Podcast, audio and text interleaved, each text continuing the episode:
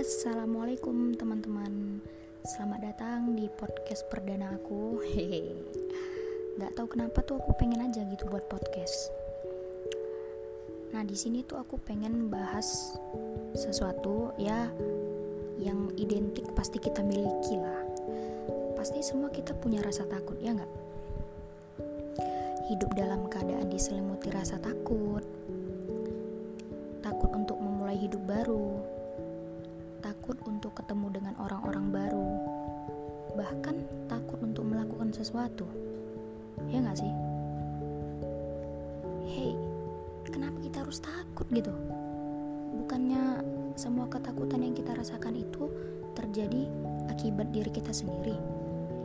Kita yang selalu menerka-nerka semua ketakutan itu bakal terjadi. Ayolah, kita ini bukan Tuhan yang menciptakan alur kehidupan kita ini cuma makhluk yang dituntut untuk mencoba. Hasilnya baik atau buruk, itu kembali sama Tuhan. Kita nggak perlu takut untuk melakukan sesuatu. Mungkin kita takut dibenci, takut dihina, takut ditertawakan. Itu tuh semua nggak penting. Hah?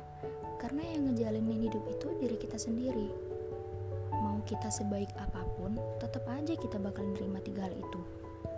Dibenci, dihina, ditertawakan. Entah itu kita dibenci karena tingkah kita yang mungkin soalim gitu. Dihina karena Ih, gila ya, jilbabnya panjang banget, gak sesuai sama akhlaknya. Ditertawakan, ih bodoh ya. Sumpah dia pau kali. Udah disakitin tetap aja dibaik-baikin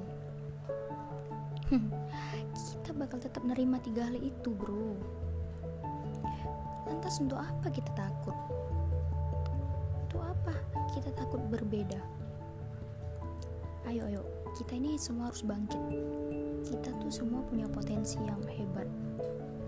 Cuman kita kita belum sadar aja akan potensi yang kita miliki.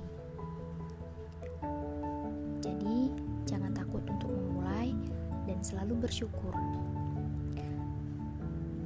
Karena rasa syukur itu penting. Rasa takut, insecure atau apa pun itu kembali lagi ke rasa syukur.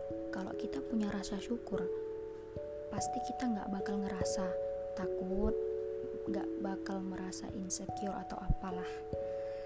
Bisikkan aja sama diri kita sendiri. Bisikkan bahwasanya kita itu bawa belum kita itu hebat.